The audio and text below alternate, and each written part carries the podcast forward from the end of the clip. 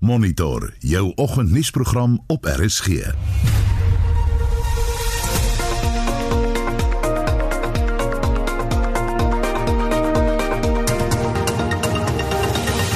In ons program vanoggend die radiolegende Mago Luit is gister aan COVID-19 oorlede.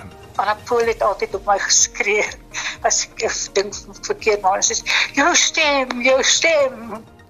Ons praat net na 07:30 vanoggend met haar oud kollega Nick die Jager. 'n een Eenmalige belasting word voorgestel om te help met die aankoop van entstowwe teen COVID-19. Jy sal ook aan saamgesels ons luisteraars vraag handel vanoggend hieroor. Ons praat met 'n ruimtewetenskaplike oor twee nuwe sterrestelsels wat pas ontdek is. En Joe Biden en Kamala of ja Kamala Harris word vandag ingehuldig te midde van verskeie krisisse in Amerika. Ons praat om 10 oor 7 met 'n politieke ontleder. Welkom hier by Monitor. Ek is Gustaf Greiling. En ek is Susan Paxton.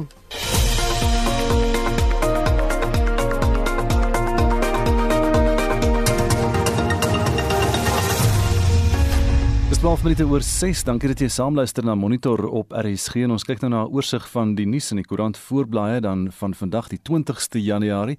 Die burger vanoggend, hier is 'n foto van 'n helikopter, Woolsley tragedie toe helikopter in boord val en dit is dan 'n uh, Bell 206 helikopter wat gister daar neergestort het terwyl dit vrugteboorde op 'n plaas buite Woolsley bespuit het. Die vlieënier, uh, Stewart Graham, is in die ongeluk dood.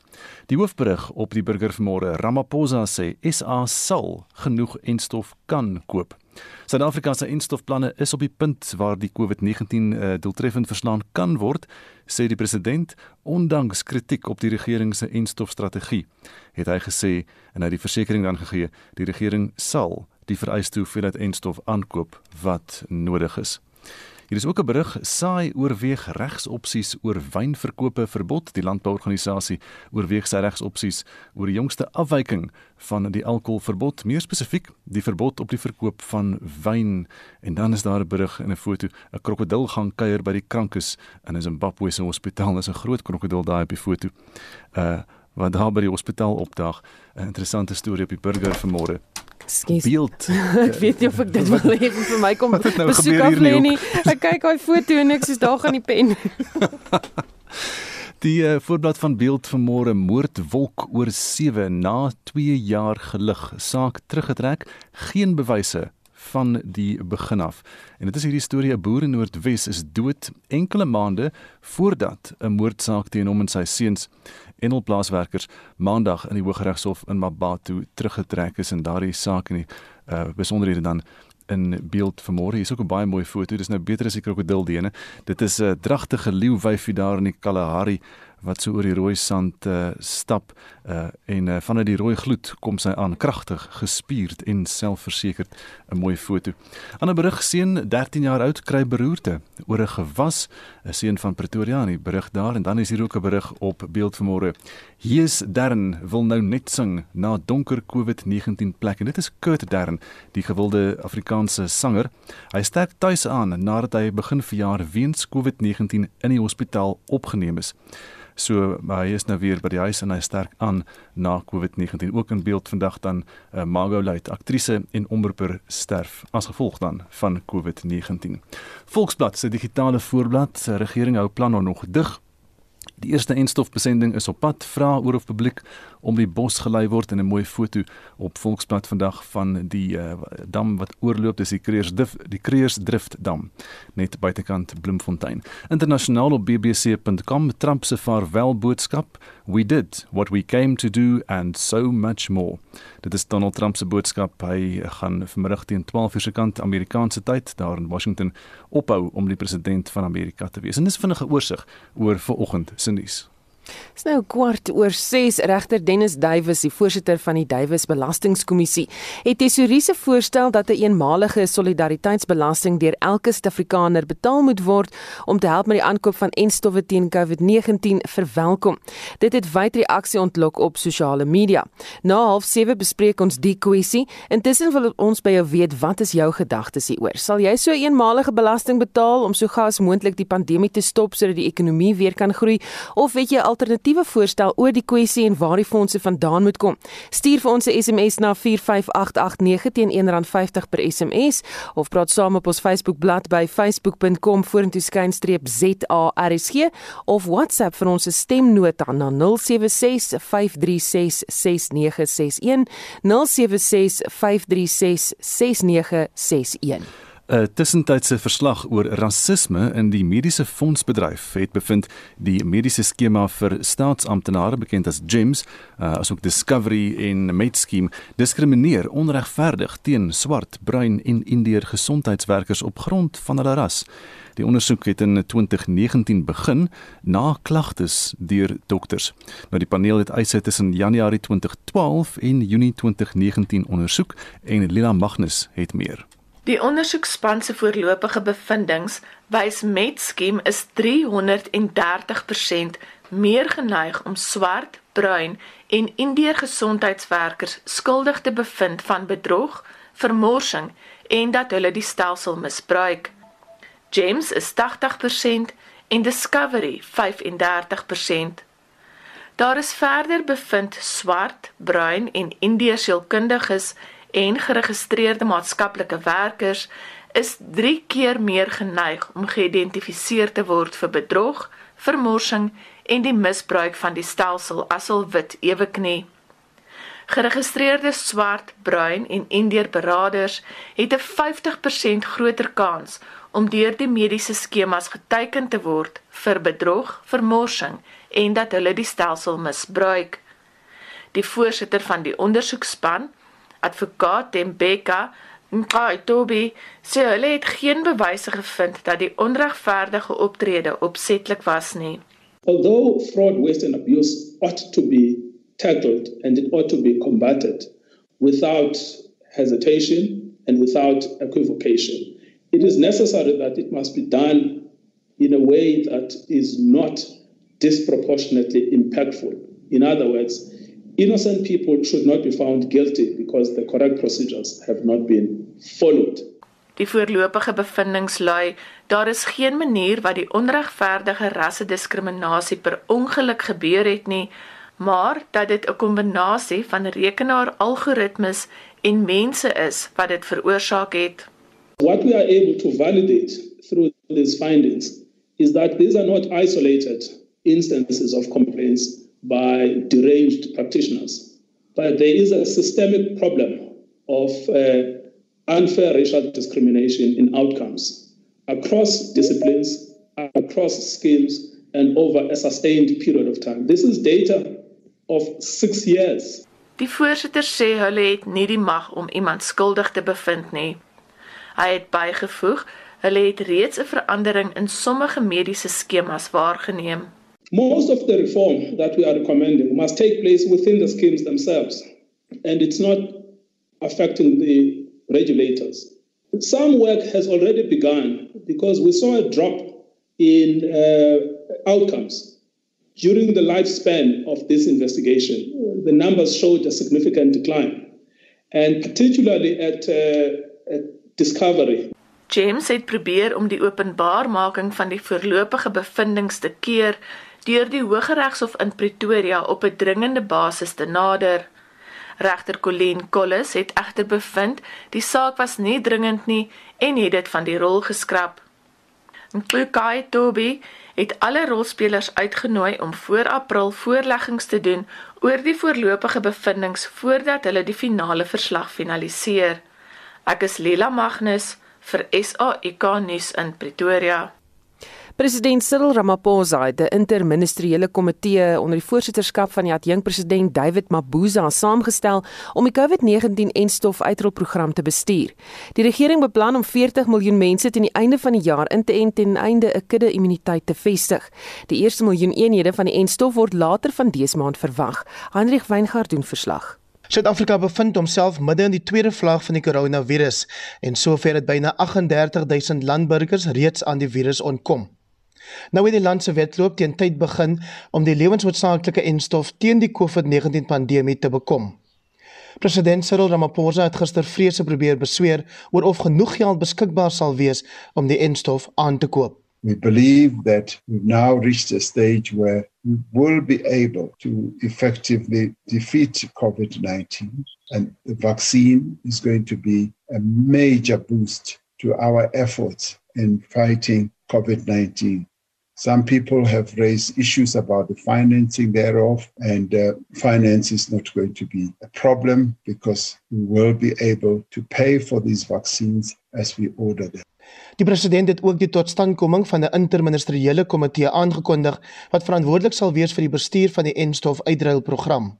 Dit staan onder leiding van adjunk president David Mabuza. People are therefore correct in saying they want to know where we're going to get the vaccines, what they will cost, when they are arriving, who are the classes of people are going to get the vaccines first, and the various phases we are going to go through in the distribution of the vaccines. And it is in the light of this that we too in government are treating this matter as seriously as our people are. Today, we established an interministerial committee, which will be chaired by the deputy president, to ensuring that the whole process of distribution of the vaccination process is well done.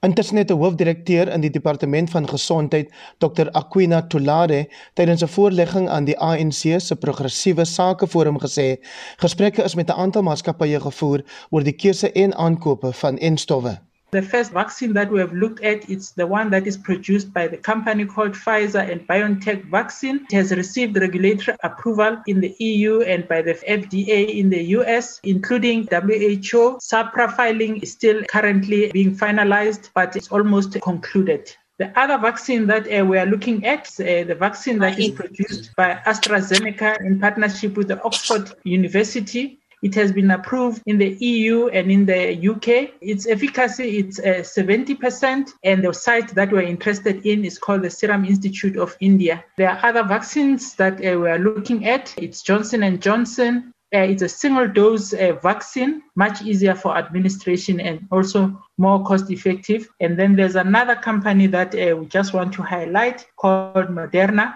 It's a two dose vaccine. Storage is at minus 20 degrees Celsius. Tolari het Suid-Afrikaners die versekering gegee dat gebeurlikheidsplanne in plek sal wees om die neeweffekte van enstowwe te hanteer. There were uh, some questions that related to whether we're going to be monitoring the adverse effects of vaccination. What I also want to indicate is that for the vaccination program, wherever we are going to be vaccinating in the sites, there will be teams of health professionals that will be ready to manage any adverse effect that may arise out of vaccination, including ensuring that there's resuscitation kits and there's a, the appropriate skill that can ensure that we do not subject the population to adverse effects unduly. And if ever there are adverse effects, they are managed immediately and actively. Tulari het ook gesê sowel die verspreidingssentrums as die persele waar die enstowwe toegedien sal word, sal deur die polisie en soldate bewaak word. Hierdie verslag deur Ntebo Mokobo en ek is Hendrik Weingart vir SAK nuus. Jy luister na Monitor elke weekoggend tussen 6 en 8. Half 7 in die nuus nik die jaar gepraat oor die lewe van die radiolegende Margo Luit. 'n Eenmalige belasting word voorgestel om te help met die aankoop van entstowwe teen COVID-19. En 'n onervare Indiese kriketspan wen die reeks teen Australië op die laaste dag met 3 bilbeerte oor. Bly ingeskakel vir die nuus.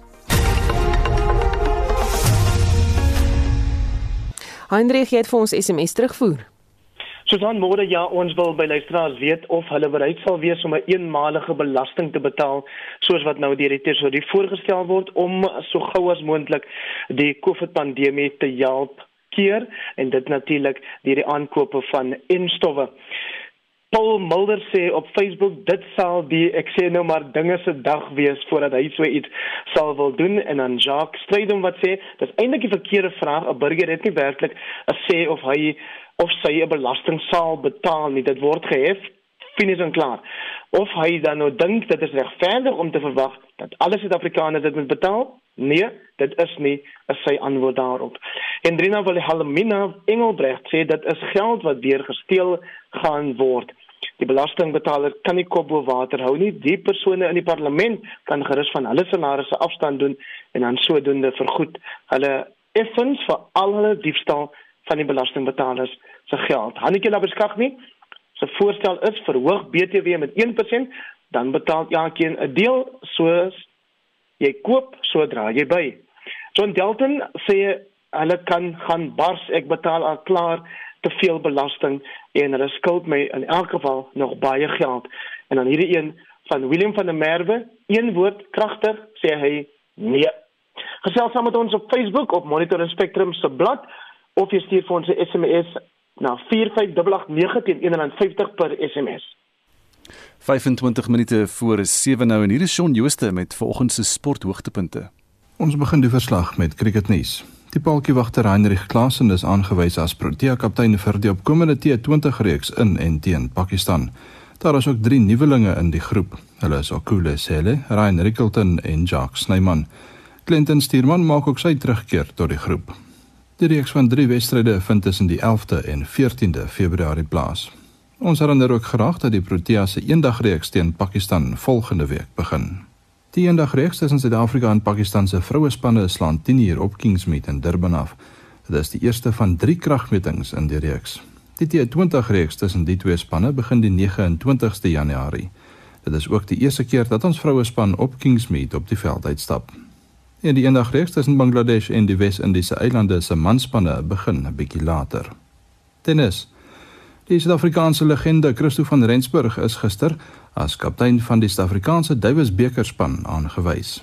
Van Rensburg is 'n voormalige dubbelspel Grand Slam wenner en het ook al enkelspel oorwinnings oor ander legendes soos Boris Becker, John McEnroe, Pat Rafter en Pete Sampras bal. Hy het nommer 19 op die enkelspel ranglys bal en was die nommer 1 dubbelspelspeler saam met Paul Anacone. Ryan Klaasen nommer 18 op die dubbelspel ranglys is as onderkaptein aangewys. Laastens kyk ons na 'n paar sokker uitslae. In die DStv Premier Liga het Mamelodi Sundowns 0-1 gelyk op gespeel teen Bloemfontein Celtic. Dit was Sundowns se tweede agtereenvolgende wedstryd wat geen doele opgelewer het nie.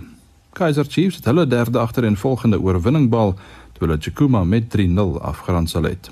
In die Engelse Premier League het Leicester City vir Chelsea met 2-0 getroof. Hulle is die nuwe voorlopers op die punteleer.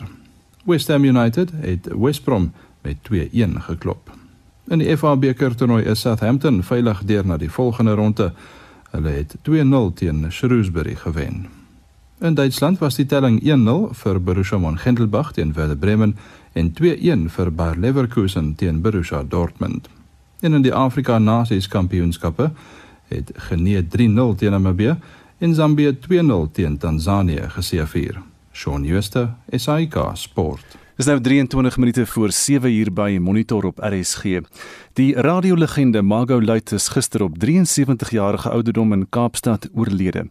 Sy was sedert 1978 'n bekende stem op radio en televisie en ons praat nou met die veteraan omroeper Nik die Jager, 'n oud kollega van Luit en deesdae die aanbieder van Nik se goed op RSG. Môre Nik. Môre môre, Gustav. Kom ons luister net vinnig na 'n uh, kort uittreksel van 'n onderhoud wat sy onlangs met uh, Johan Rademan gevoer het. Goed. Ek het ook as jong kind op skool geleer dat ek anders is as die ander meisies. Jy weet, die ander meisies is mooi en maar en wat my lam geslaan het is hulle is mooi en maar dan sou nog intelligent op. So ek het geweet ek moet iets anders bring wat bring jy na die tafel toe? En al wat ek gehad het is Anapool het altyd op my geskree as ek dink verkeerd maar dit is jou stem, jou stem. Jy weet, ek het geweet ek het 'n sterk stem. Ek het dit ook op die plaas gehad en gebruik. Maar dit was een van die stukkies gereedskap wat ek gehad het sodat ek wanneer ek gedig kry waarvoor ek so lief was en wat ek verstaan het en wat ek gedink het ek verstaan want baie keer het ek gedink ek verstaan alles en dan kom ek agter nee maar dit is nou Shakespeare ding. Hm. Nick, waar het jou en Margot se uh, paai die eerste keer gekruis? Jong, ek kan nie presies onthou wanneer dit was nie, maar dit was hier in die laat 70s dink ek, toe ek nog by die SAIK. Wel ek was toe nie meer by die SAIK nie, maar ek het nog vir die SAIK gewerk. Hmm en ehm uh, Daniel Kerstyn was vir albei van ons in 'n mate 'n mentor. En uh sy en Dan was baie baie goeie vriende. Dan het so Nederlandse plaatjie plaat gehad van Margotjie van Maduro Dam dit is dink dit was Wim Sonneveld wat die ding gesing het. Dit gegaan oor Margotjie met 'n klein Peugeotjie wat woon in Maduro Dam, dis 'n daai klein miniatuur stadjie in Nederland. Mm, mm. So sy haar naam was maar by ons Margotjie gewees. Ja. So ja, dit is om in in in die ek sou sê laat 70s. Ja. Sy is nou al die moeder van radio genoem en julle uh, is verlede jaar saam te nou vereer deur die ATKV. Sy was baie veelsidig geweest, baie talente gehad daar in van die laat 70s af by die radio en die televisie ook later. Ja, nee, sy was 'n besonder veelsidige vrou soos jy sê, 'n besondere mooi stem gehad. Maar vir my was een van haar mees uh die mooiste eienskappe was haar geweldige deernis met mense. Mhm. Mm jy weet sy het uh sy het, uh, sy was altyd daar om die sogenaamde afvlerkies te help. Jy weet sy het sy het vigs mense ondersteun en Graham Clark wat uh, haar groot liefde in die lewe was was 'n kwadripleeg. Jy weet hy hy was um destyds die leier van 'n van 'n SA groep op Marion Eiland en toe hy siek geword en hulle kon hom nie betyds by 'n dokter uitkry nie met hom en hy toe 'n kwadripleeg geword. En so hy hy het uh, nie weet dit toe hy oorlede is hy hy het so 'n uh, liberator gehad wat so 'n baie ingewikkelde stoel is wat waarmee hy kan beweeg ja. en waarmee hy kan praat jy kyk na die woorde en dan praat die masjien namens jou en uh, hulle het gaan by en 'n 'n vriend het gaan uh, ry met die masjien by Century City in die Kaap en op 'n of ander manier het die masjien buite beheer geraak en in die water geval en hulle kon hom nie betyds uitkry nie. Hmm. En dit het haar geweldig geweldig seer gemaak en ook haar broer wat dieselfde week oorlede is. Haar suster, um, Ella Viljoen, sê sy het Saterdag positief getoets vir COVID-19, maar sy het ook nou Parkinson se siekte gehad en sy was die afgelope jaar baie swak geweest dan ook na die dood dan van haar lewensmaat. Ja, jong, ek is baie versigtig vir hierdie COVID ding, jy weet, mm. dit is uh, ek dink dit is in word grootliks deur die media aangeblaas, maar jy weet dit is gevaarlik, mens kan daaraan doodgaan. Ek kan môre daaraan dood neerslaan. Maar ek ek weet nie of dit COVID was nie. Sy was sy was swak en die Parkinsons en en en daar het ook 'n mate van Alzheimer ingetree dink ek. Mm maar uh, jy weet sy was moedig tot die einde. Ja. Kom ons praat vinnig oor oor haar tyd by die radio waar talente het, het sy het sy uitgeblink in verskeie genres. Ja, kyk sy uh, mense sê altyd as jy 'n mooi stem het met jy radio toe gaan, maar dit beteken nie 'n mooi stem is altyd is 'n aanbeveling, maar dit dit maak jou nie 'n goeie radiomens nie. Hmm. Dis hoe jy die ding gebruik wat uh, van belang is en sy kon hom baie goed gebruik. Sy het sy was 'n goeie radioregisseur, sy was 'n goeie oorklankingsregisseur. Sy is 'n baie goeie voordraer van poësie en sy was ook 'n goeie speler. Wie sou onthou sy, jy weet sy het haar lewe begin as 'n as 'n aktris. Mm -hmm. By sy was saam met ehm um, uh, Katinka Heinz hulle en en en uh Sandra Prinsloo, Lerina Erasmus en daar sulke mense op tikkies onder tant Anna Pool. Ja. En François Swart. Dit sou sê was 'n baie veelsidige aktrise. Baie van die mense eh, soos die spelers in die bedrywe wat saam met haar moes werk sê hulle was maar skrikkerig vir haar. Uh ek ek weet nie ek sou dit nou miskien het ek haar te goed geken maar jy weet sy sy sy was nooit oordonderend nie. Mm, ja. uh sy het sy het geweldige simpatie met almal gehad, maar ja. jy weet jy het nie sy het nie foute deurgelaat nie. Sy was streng, maar sy was nooit onwrikbaar nie. Ja, ja. Nik baie dankie Nik die Jager wat dan verlede jaar saam met Margolite toekenning vir hul lewenslange bydrae tot die bedryf van die ATKV ontvang het. 643 Nasionale Tesourie het die publiek die versekering gegee dat daar geld beskikbaar sal wees om koronavirus-enstowwe te bekom. Dit volg na beweringe deur die DA en ander dat die tesourie die verkryging van enstofdosisse verhoed. Die direkteur-generaal van die tesourie, Dondo Mogodjani sê, hulle kan tans na verskeie finansiële of kyk tans na verskeie finansieringsopsies en die volle besonderhede oor hoe die regering vir die enstowwe sal betaal sal in die begrotingstoespraak bekend gemaak word. Hy sê egter indien enstof dosisse op kort kennisgewing bekom word, sal die tesourier 'n manier vind om daarvoor te betaal. Intussen het regter Dennis Duwys sy ondersteuning aan die voorstel van 'n een eenmalige solidariteitsbelastingheffing gegee. Die voorstel is wyd en suid veroordeel. Die direkteur-generaal van die tesourier, Dondo Mogotjani, sê die aankoop van enstowwe sal na raming 20 miljard rand kos. There's the estimate we're working on. Um, there's a number from the Department of Health, and we, we're happy to work with that number. And we've, we've been engaging, we engage on a daily basis on, on various aspects related to the acquisition of the vaccine and the rollout thereof. Yeah. Mohajani sê hy sal die geld vind om vir die enstowwe te betaal. Look, it's not a question of whether we have the money or not. We have to make the money available for something like this. I said it's important that we look at options that are available for government. The government raises money through various ways and in particular two ways. One, we can tax South Africans. That's something that we, we obviously uh, is a tool that we always have. Secondly, we have to borrow. We can borrow more. And thirdly, if if we collect more, the economy is doing well. We don't have to do any of the two. We just have to use the money that we have. So all of these options obviously are there, but uh, we have to look at the implications thereof of, of any of the options, including the last one, given which is the reprioritization of, of existing budgets. We've been doing that from 2012 um, to a point where now we've looked at goods and service, services budgets. There's nothing almost there. So the reality is that we have to look at various options. We are looking at them, and the final option obviously will be uh, announced on budget day. But there's a difference here. This is from a budgeting point of view. But if you have to talk about acquiring the vaccine tomorrow, the president did talk about 20 million doses. If if these have to be delivered tomorrow, we will pay for them. We will pay for them. And we'll have to use all available avenues uh, in emergency procurement to make sure that we, we acquire. So we cannot be blamed or people cannot say Treasury is unwilling. There's nothing like that. Treasury is part of government and government is committed to to its people uh, in terms of making sure that its people are safe. Mohajani sê die hoofdoel is om die enstowwe so gou as moontlik te bekom. Yes, we don't have to wait for the budget. We did. Uh, they did talk about health. Did talk about 1.5 million doses. They've got the approvals to do that. They can do that within their own budget. We can do. We, we have approved any environment that must be done between different programs in the department to for them to shift money around because the money is small. Uh, for the big monies, which is like for 20 million doses or more, that will will will have to will have to you know use emergency funding before budget, um, and we don't have to wait for that to be announced in the budget.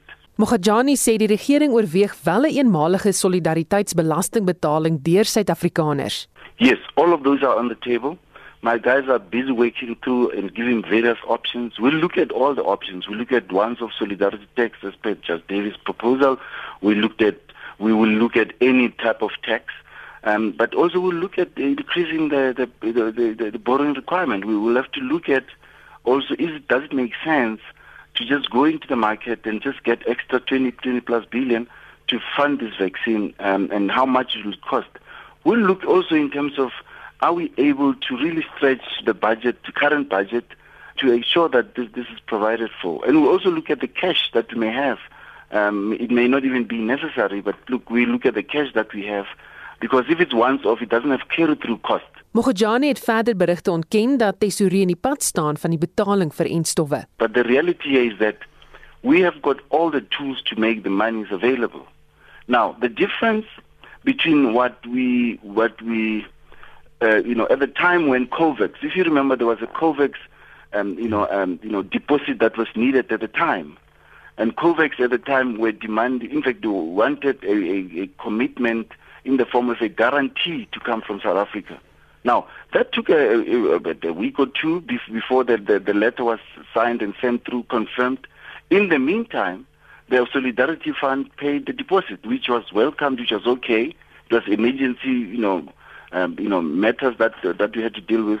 But at no point did we say we are not paying. At no point did we think that this is not necessary. So I think I'm refuting all of that because it's not true. Uh, it's putting us in a bad light. Uh, the reality is that uh, we, you know, co- you know, the vaccine and you know, the health is a public good in South Africa, and it must be treated as such.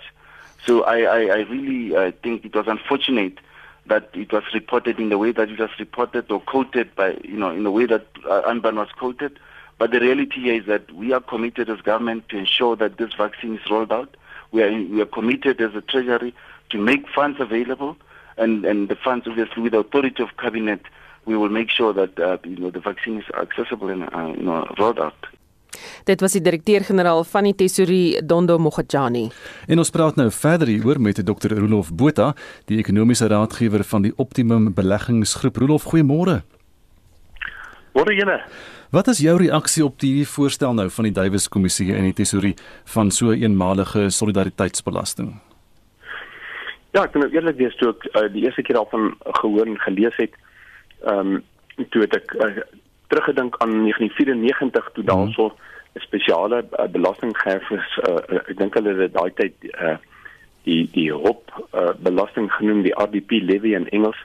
Uh, en as mens teruggaan na daai tyd toe en jy kyk na die die gehalte van die uh, regering, ek dink uh, as ek dit nie mis het nie was Chris Liebenberg minister van finansies die die uh, kundigheid wat in die staatsdiens uh, bestaan in daardie tyd was was nog alles intak geweest. Uh, ons het van Nelson Mandela gehad as 'n president. Mm en dit was voordat hierdie ehm um, hierdie hierdie uh, slinger geklomp zoektas hulle hande op op ons geld kon plaas en die staatsdiens uh, stadig maar seker verrot het in terme van ondervoegdheid. So indien ons nog in daai situasie was en hulle sou gesê het maar hier is ons nou sê maar argument so taal dat 1% van mense wat meer as 'n sekere bedrag verdien dat daar was besigheids vir dit mense meer as 50000 rand uh uh se belasbare inkomste gehad het om om van hierdie COVID ontslae te raak, dan dink ek sou die meerderheid Suid-Afrikaners gesê, maar kom ons gaan hiervoor. Dis nie moeite werd. Maar nou sit ons met 'n met 'n groot dilemma en dit is dat ons sit met 'n staatsdiens wat as gevolg van 20 jaar se kaderontplooiing waarin mense aangestel is wat nie naaste by die die bevoegdheid het of die vermoë het om om uh, hulle take te verrig nie. En baie van hierdie take in baie staatsdepartemente het natuurlik irrelevant geword as gevolg van tegnologiese vernuwing maar die mense gaan nog elke dag kantoor toe. Wat hulle daar doen weet nigter alleen. En hulle verdien in baie gevalle reuse salarisse en Suid-Afrikaners is keelvol vir die manier waarop hierdie regering geld mors. En sy onvermoë om die staatsdiens vas te vat die staatsdiens se uh, uh, die die uh, vakbond in die staatsdiens ook vas te vat en te sê tot hier toe en nie verder nie. En dit is die dit is die groot probleem wat ons op die oomblik het. Uh, is dat die die die regering se reputasie het so so groot nou gekry dat bitter min mense glo dat hulle kan uh kan kan hierdie uh, enstof betyds uh, vir ons beskikbaar stel. As mens kyk na die res van die wêreld, hier is al by 50 miljoen uh van hierdie uh, mense inge, uh, ingeënt. In Amerika is omtrent 5% van die bevolking. In Israel is 30% van die bevolking reeds ingeënt. Hmm. En ons sit hier so 'n kibbel Jy weet oor hoe gaan ons dit finansier? Ja. Uh jy weet uh, ek ek is dit is 'n verleentheid vir die regering. Ek sien alles wat hulle doen rondom hierdie ding is blykbaar 'n verleentheid. Maar Rolof, wat weeg swaarder hier om die ekonomie aan die gang te kry of om nie die belasting te betaal nie want jy vertrou nie die regering nie? Ja, uh, jy weet uh, hulle hulle pas in die duister rond wat wat nogal uh, ek dink dit is die die, die nommer 1 vaardigheid in in die staatsdiens so oomblik is pas in die duister rond. Want soos ehm um, meneer uh, ek dink Johan Els van Oumetsel uitgelig het is is dat uh, die ekonomie het so merkwaardig herstel in die derde kwartaal. As mens net kyk na die bruto bedryfssurplus in die derde kwartaal het met 112 miljard rand toegeneem. Wat dit wat dit vir mense sê is dat dividende gaan weer begin vloei. Die staatsdienste belasting uit dividende op maatskappye en wat hulle ook gaan kry uh, uit individue wat wat uh, op in genoteerde aandele belê, dit gaan uh, sterk toeneem en hulle gaan baie meer belastings inkry as wat hulle in Oktober voor begroot het. So jy weet hierdie hele debat is eintlik al vertiel. Daar is genoeg geld. Daar sal genoeg geld wees en die DG van uh, tesorie, hy hy het tot die gevolgtrekking gekom dat die tesorie is deel van die regering weet nie of julle mooi geregistreer het nie. Ek dink dit is nogal merkwaardig dat hy dit ingesien het. Uh maar in elk geval hy het daarom genoem dat daar behoort genoeg, daar is 'n kans dat daar genoeg geld sal wees. Uh ek weet nie dit is asof regter Duwys deesdae uh, sommer so oral net belasting sou verhoog en en hy moet een ding in gedagte hou dat dit is 'n baie ongewilde stap altyd in enige land in die wêreld waar die regering duidelik uh nie altyd die vermoë het om te doen wat hulle moet doen nie. Ek meen hulle kan nie 'n slaggate regmaak nie. As mens deur uh, Noordwes ry, deur die Vrystaatse paaie, ons kan nie ons produkte op die mark kry nie. Kom ons begin daarso. 'n belasting ja. om die paaie van Suid-Afrika reg te maak, sal 'n baie beter plan wees volgens my. Rolof, as hulle dit doen, as hulle sê ja, hulle gaan nou so 'n belasting hê, hoeveel sal genoeg wees in terme van 'n persentasie en is dit moontlik vir hulle om dit eh, die Engelse woord is ring fence om seker te maak hierdie geld word dan nou net gebruik vir hierdie enstof, dat dit nie in hierdie groot gat ingaan nie. Ek het so vinnig berekening gedoen. Ek dink ehm um, die die bedrag geld wat ons nodig het daarvoor is iets soos 0, uh, 3% van BBP, so dit is nie 'n baie groot bedrag nie. Nou die gedagte van so die Engelse sê ring fencing om 'n belasting te hê wat spesifiek gemik is op 'n op een of ander uh projek of of uitgawe of hmm. of plan byvoorbeeld om die petrolprys te verhoog met 'n sekere bedrag en dan daardie geld te gebruik om paaie in Suid-Afrika reg te maak. Dit is 'n baie dringende behoefte in hierdie stadium. Ek dink almal weet dit, veral mense in die Vrystaat, Noordwes en Limpopo dan dit dit, dit klink so 'n goeie idee op papier, maar dan moet jy op op alle vlakke van regering en veral in die munisipaliteite want dit is daar geografies wat hierdie funksie verrig moet word. Wat uh, dan moet jy daar die bevoegde staatsamptenare en op al vlakke al die vlakke van regering hê. Ons 'n derde van ons munisipaliteite is bankrot. En en die regering weier om in te sien dat daar is 'n oplossing voorhande hulle moet hierdie van hierdie dienste in die munisipaliteite wat wat nie meer gelewer word nie, moet hulle net eenvoudig uitkontrakteer aan die private sektor. Uh dit kan gedoen word. Daar sal natuurlik uh, staat mense wat vir die munisipaliteit werk op die oomblik sal natuurlik ehm um, die trekpas moet kry, ja. maar dis 'n prys wat mense moet gaan betaal vir groter doeltreffendheid want ons sit met 'n geweldige dilemma in Suid-Afrika eh, in ons logistieke omgewing hierso. Rudolf baie dankie dit was die ekonomiese raadgewer van die Optimum Beleggingsgroep Dr Rudolf Botha.